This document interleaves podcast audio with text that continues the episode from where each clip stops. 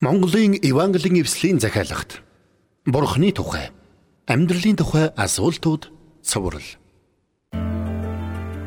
Сайн байцгаана уу? Амьдралын тухай асуултууд хөтөлбөрт тавтаа морилно. Намайг Төвшинбат гэдэг. Энэхүү хөтөлбөр маань асуулт хариулт хэлбэрээр явагдах болно. Уг хөтөлбөрийн хүрээнд бид манай сонсогчдоос ирүүлсэн асуултуудад хариулт өгөх. Ингэхдээ бид Бурхны тухай, Есүсийн тухай, мөнхийн улсын тухай, залбирлын тухай гэх мэт бүхий сэдвээр тавигдсан асуултуудад илэн далангуй хариулах болно. Зарим асуултууд маань магадгүй бурхны үзлийг баримтлсан. Тэр бүхэл Христ итгэлийг эсэргүүцсэн шинжтэйч байж болно. Аль нь ч байлаа гэсэн зочин бит хоёр уг хөтөлбөрийг хөтлөн явуулахдаа ямар ч итгэл үнэмшилт ялгаагүй хүндэтгэлтэй хандах болно гэдгийг онцлмоор байна. За ингээд та бүхэндээ зочноо танилцуулъя. Миний өнөөдрийн зочин доктор Дөлөөн ирсэн байна. За сайн байна уу? Сайн сайн байна. Тэгэхээр манай өнөөдрийн хөтөлбөрийн сэдэв бол хэрхэн залбирх вэ гэсэн сэдэв байна. Эдгээр асуултууд маань танд залбирлын тухай болон залбирлын ач холбогдлын талаар илүү ихийг ойлгож мэдхэд тань туслах болно. Ингээд нэвтрүүлгийнхээ эхэнд бурхан танд залбирцгаая. Бурхан эзэн минь өнөөдрийн нэвтрүүлгээр дамжуулан тантай хэрхэн ярилцахыг бидэнд зааж өгөөч. Есүсийн нэрээр залбирлаа. Амен. Амен. Ингээд хөтөлбөрөө эхэлье. Би асуултыг уншаад зочин маань хариултыг өгөх болно. Ингээд ихний асуулт. Залбирахад хамгийн тохиромжтой цаг хизээ вэ? За залбирахад бүхэл цаг тохиромжтой. Гэхдээ би хувьдаа бол өглөө босоод хамгийн түрүүнд бурханд хандан залбирх нь хамгийн тохиромжтой гэж боддог. Бид өглөө босоод ирж буй өдрийн туршид бидэнтэй хамт байж биднийг өдөртөн чиглүүлэхийн төлөө залбирч болно. Бас хоол идэхийнхээ өмнө бурханд талархан залбирч болно. Библиэд хэлэхдээ тасралтгүй залбир гэсэн байдаг. Тиймээс бид өдөр тутмын аливаа ажлынхаа төлөө хизээд залбирх боломжтой. Бас өдрийн төгсгөлд гэр бүлэрээ хамтдаа залбирч болно. Залбирахад юу н тусгаалan цаг гаргах шаардлагатай юу? Тийм ээ. Өдрийн туршид бурханд хандан хаа байгаа газартаа залбирахаас гадна бурханд тухтай залбирах тусгайлсан цагийг гаргах нь зүйтэй юм. Тэр тусмаа өглөө эртлэн босож бурханд хандан залбирах цагийг тусгайлан гаргах нь тун тустай. Библиэс үзвэл Есүс ч бас өглөө эртлэн босоод залбирдаг байсан. Өвөр шөнөөр тэр босоод гадагш гарч зилүүд газар очин тэндээ залбирч байв гэж Библиэд бичигдсэн байдаг. Есүс Тэнгэрлэг эцэгтэй өдөр бүр залбирдаг зуршилтай байсан. Мэдэж бас түүний энэ үлгэр дуурайллыг дагах нь зүйтэй юм. Өглөө эртлэн босоод Бурхан эцэгтэй хандан чин сэтгэлээсээ залбирх нь үнэхээр ивэлтэй. Бид Бурханы өмнө өөрсдөө даруй болгож түүнд хандан чин сэтгэлээсээ залбирх цагийг гаргана гэдэг нь бид Бурханд чин сэтгэлээсээ итгэж байгаагийн илэрлэл юм. Та энхүү залбирх цагийг унтлахын өрөөндөө эсвэл ажлын өрөөндөө гэх мэт хаанч гаргаж болно. Та бас өглөө залбирхийнхаа хажуугаар Бурхны үг болох Библиэс уншиж хэвшээрэй. Сонсогчийн маань асуулт ирсэн байна. Би Бурханд хэрхэн залбирхаа мэдэхгүй байна. Би юу гэж хэлэх вэ? Яаж залбирхыг надад хэлж өгөөч гэсэн байна. За. За би таныг залбирхад чинь тустай гурван зүйлийг танд хэлж өгмөр байна. Нэгдүгээрт гим нүглээ Бурхны өмнө хүлээн зөвшөөр. Та өөрийгөө нүгэл үйлдэлсэн гэдгийг Бурхны өмнө хүлээн зөвшөөрч Бурханаас уучлал өршөөлөггүй. Жишээ нь уураа барьж чадлагүй хүүхдүүдтэй хатуу хандсныхаа төлөө бурхноос уучлалгүй залбирч болно. Хараал хэлсэн, эсвэл худлаа ярьсан, хуурч мэхэлсэн гэх мэт аливаа гим нүглийнхээ төлөө та бурхны өмнө гимшин залбирч болно. Хоёрдугаарт бурханд талархлаа илэрхийл. Библиэд хэлэхдээ түүний өмнө талархалтайгаар ир гэсэн байдаг. Хэрвээ та анхааралтай бодох юм бол бурханд талархах маш олон шалтгаан танд байгааг та ухаарах болно. Гуравдугаарт бурханд гуйлтай өрг. Өөрөөр хэлбэл та бурхнаас гуйхыг хүссэн зүйлээ гуйн залбир. Библиэд энэ тухай хэлэхдээ юунд ч санаа бүү зав. Харин аливаа зүйлд залбирлаараа болон гуйлтаараа талархалтайгаар хүсэлтэд бурханд мэдүүл гэсэн байдаг. Тэгэхээр та залбирахдаа Бурхны өмнө гим нүглээ гэмшиж, дараа нь Бурхны ивэл өрөөлийн төлөө түүнд талархаж эцэст нь бурхнаас өөрт хэрэгтэй зүйлсээ асуун гуйх нь тохиромжтой байх нь. Гэхдээ мэдээж та энэ дарааллыг ягштал дагах ёстой гэсэн үг биш гэдгийг зөвөр ойлгоорой. Талархах талаар илүү тодорхой болгож өгөөч. Бурханд юуны төлөө талархах ёстой вэ? За тэгье. Элч Паул бидэнд магтуу ба сүнслэг дуунуудаар өөр хоорондоо ярилцаж, эзэнд хандаж зүрхэндээ дуулж, аядуу зохиож Бурхан ба эцэгт бүхний төлөө бидний эзэн Есүс Христийн нэрээр үргэлж талархал өрг гэсэн байдаг. Бид Бурханд бүх зүйлийнхээ төлөө талархах хэрэгтэй. Бидний эрүүл мэнд, гэр бүл, материаллык ивэл гэрөөл, сүнслэг ивэл гэрөөлүүд, найз нөхөд, орон гэр, сүм чуулган, улс орон гэд бүх зүйлсийнхээ төлөө талархах хэрэгтэй. Бид бурханд талархахдаа түүний ивэлүүд болон түүний бидэнд өгдөг сайн сайхан зүйлсийн төлөө талархаа зогсохгүй хэдийгээр бид ойлгохгүй байж болох ч бидний амьдралд тохиолддог таагүй зүйлсийн төлөөч бурханд талархах нь зохистой юм. Мэдээж үүнийг хийхэд хэцүү. Гэхдээ энэ бол бидэнд хандсан бурхны хүсэл зориг юм. 1944 онд Бетси Тембум болон Кори Тембум хэмээх эгчдүү хоёр еврейчүүдийг нацистуудаас нуусныхаа төлөө баривчлагдаж нацистуудын алдарт Ravensbrück хорих лагерт хүргэжээ. Ингээд тэр хоёр 400 хүний багтаамжтай байранд 1400 эмэгтэйчүүдийг хорьсон бохир заваан хорих лагерт амьдрах болж. Тэр хоёрт бөөсөнд баригдсан хүнжил гудас хаяж өгсөн байна. Хэдийгээр нөхцөл байдал маш хүнд байсан ч Бэдси тэр олон эмэгтэйчүүдтэй хоригдох болсондоо бурханд талархах хэрэгтэй гэж дүүдээ хэлжээ. Учир нь тэр эмэгтэйчүүдэд бүгдд нь Есүсийн тухай ярих боломжтой юм байна гэж тэд боджээ. Түүгээр зогсохгүй тэр их бөөснүүдийн төлөөч бурханд талархах нь зүйтэй. Учир нь Библиэд бүх зүйлд талархлаа өрг гэсэн байдаг шүү дээ. Химэн тэд ярилцжээ. Удалгүй тэд хэсэг эмэгтэйчүүдтэй бүлэг болж Бурхны үгийг судалж хамтдаа залбирах болсон байна. Хянагчид тэдэнд огт саад хийдэггүй байжээ. Учир нь нөгөө их бөөснүүдээс сэжиглээд тэдний байр руу хянагчид огт ордоггүй байсан гэдэг. Үнэхээр бид бүх зүйлийн төлөө Бурханд талархал өргөх боломжтой. Сонсогчийн манд дараагийн асуулт. Би өдөр бүр гим нүглийнхээ төлөө гимших ёстой юу гэсэн бэ? За, тийм ээ. Бид өдөр бүр Бурхны өмнө гим нүглээ гимшиж түүнээс уучлал өршөөлийг хүлээн авах хэрэгтэй. Мэдээж бид гим нүглээс ангид амьдрахын тулд чадах чинээгээр хичээх хэрэгтэй. Гэсэн ч хичнээн хичээсэн ч бид санаатай болон санамсаргүй байдлаар үг яриа, үйл хөдлөл, бодол санаагаараа гим нүгэл үйлддэг. Заримдаа үйлдэхүүгээрээ, заримдаа эс үйлдэхүүгээрээ нүгэл үйлддэг. Өөрөөр хэлбэл заримдаа бид хийх ёсгүй зүйлийг хийдэг бол заримдаа бид хийх ёстойгоо хийлгүй нүгэл үйлддэг. Библиэд Илч Йохан бичгтээ бид нүгэлгүй гэж хэлбэл өөрсдийгөө мэхэлж байгаа бөгөөд бидний дотор үнэн алга бид нүглээ улайвал эдхэмжид зөвд тэрээр нүглийг маань өөчилж бүхий л зөв бусаас биднийг цэвэрлэнэ хэмээн бидэнд сануулсан байдаг үлээ.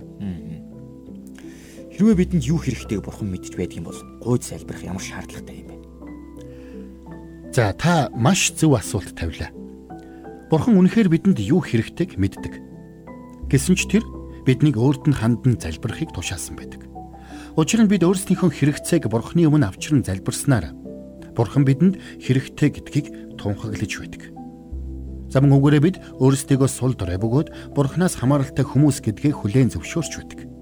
Хамгийн чухал нь бидний Тэнгэрлэг эцэг бидэнд хэрэгцээтэй бүхнийг маань хангаж өгдөг гэдгийг бид залбирлаараа дамжуулан гэрчилж байдаг.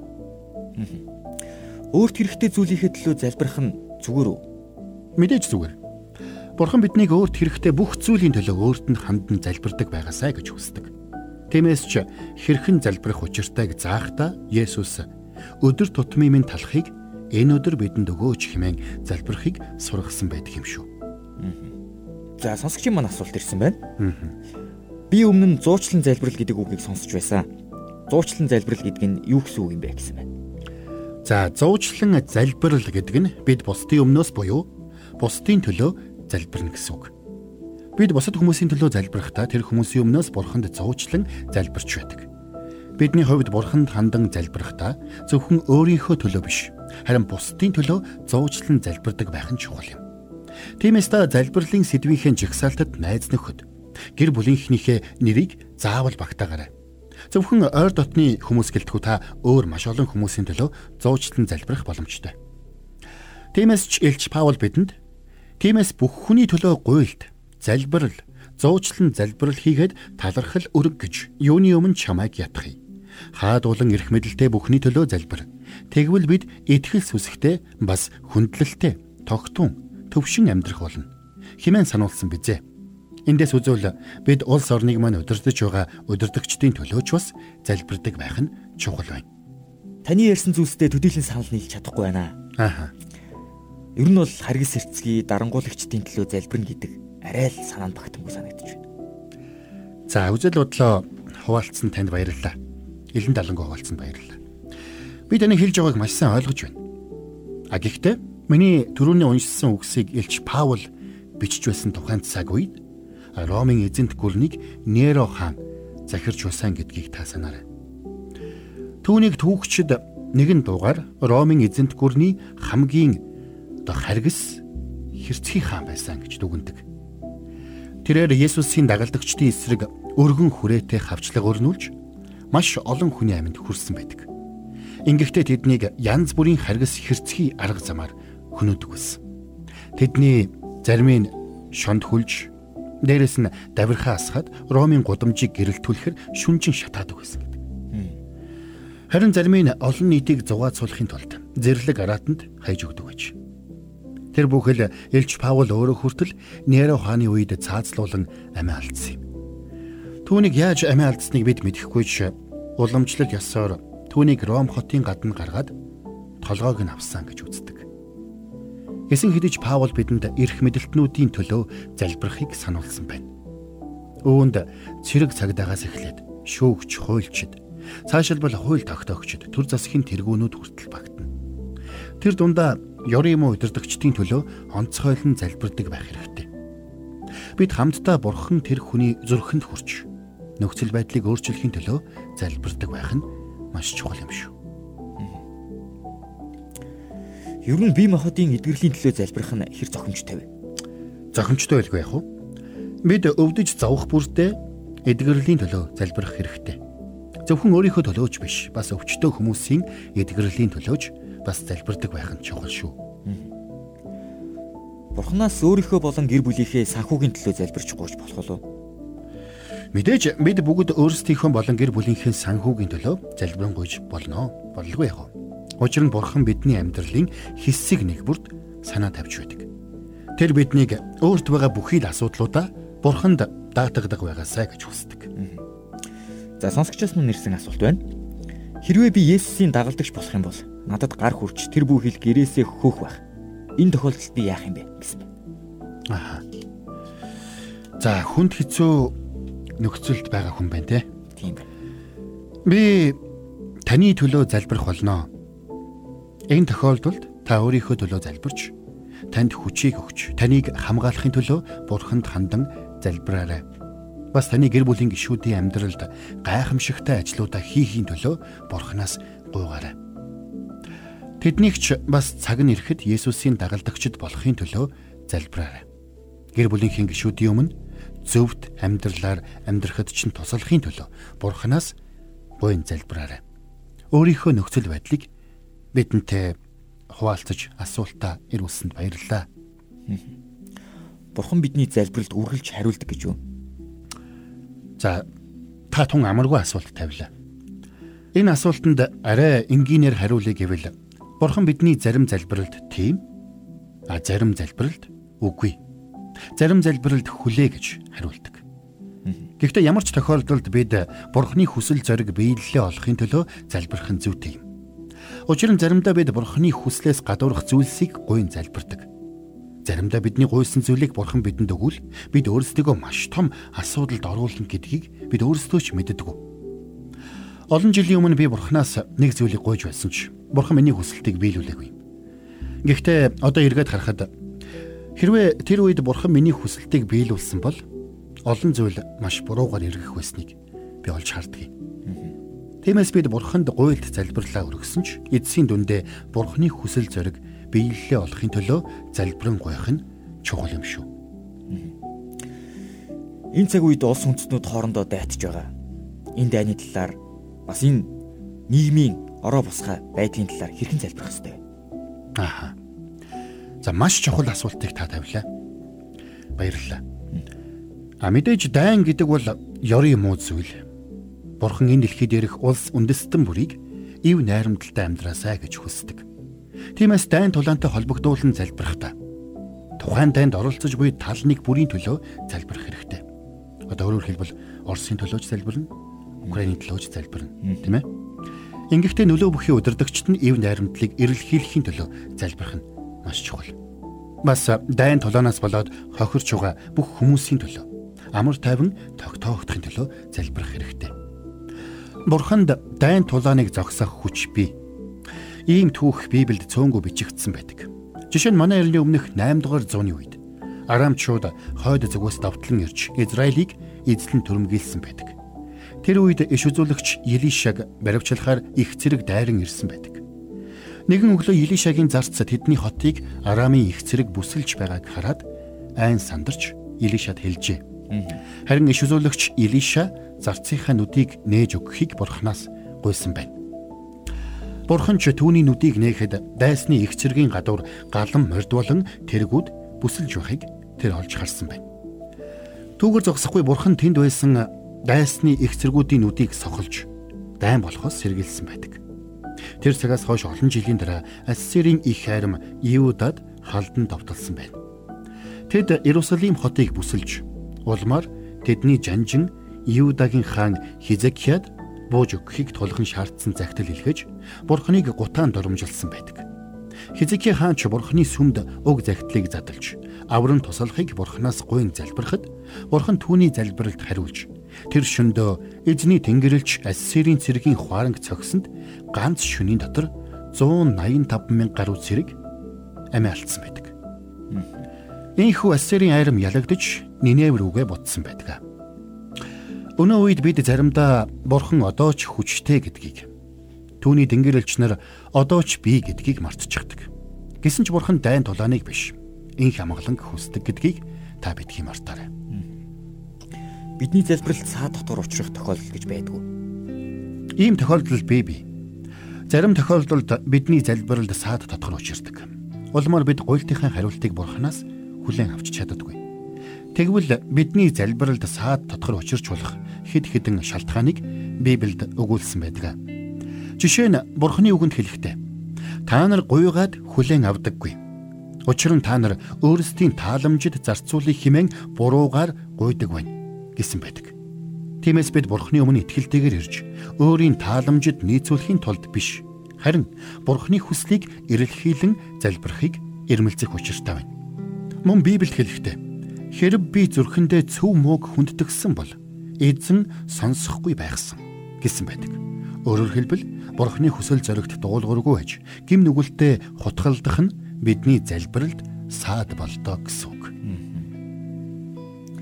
Хэрвээ Бурхан бүхнийг захирдаг, бүгдийг хяналтандаа байлгадаг юм бол надад залбирах ямар шаардлага байгаа юм? Мэдээж Бурхан бүхнээс хүчтэй. Тэр орчлон ертөнцийг бүхэлдэн захирдаг.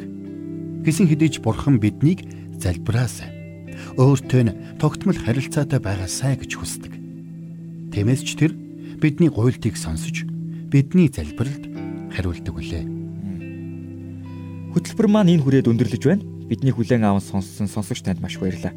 Энэ цагийн төгсгөлд би таныг бурханд хандан хамтдаа залбирахыг уриалж байна. Миний залбирахыг та анхааралтай сонсоорой. Дараа намайг дахин залбирх үед та намайг дагаад чин сэтгэлээсээ залбираарай. Бурхан минь танд хандан залбирх боломжийг бидэнд өгдөг. Тантай талархъя. Өдөр бүр тантай ярилцдаг хүн байхад минь надад туслаач. Амен. Одоо намайг дахин залбирх үед та миний хэлсэн үгийг давтан залбираарай. Ингэхдээ чангаар чин сэтгэлээсээ залбираарай. Бурхан минь танд хандан залбирх боломжийг бидэнд өгдөг. Тантай талархъя. Өдөр бүр тантай ярилцдаг хүн байхад минь туслаач. Амен. Надтай хамт залбирсан сонсогч танд маш баярлалаа. Та бүхэн манай амьдралын тухай асуултууд хөтөлбөрийн дараа дараагийн дугааруудыг таалан сонсоорой. Монголын Евангелийн эвслийн захиалагт Бурхны тухай, амьдралын тухай асуултууд цоврал. Цоврлын талаар асууж тодруулах зүйл байвал 8085 99 тэгтэг дугаард холбогдоорой.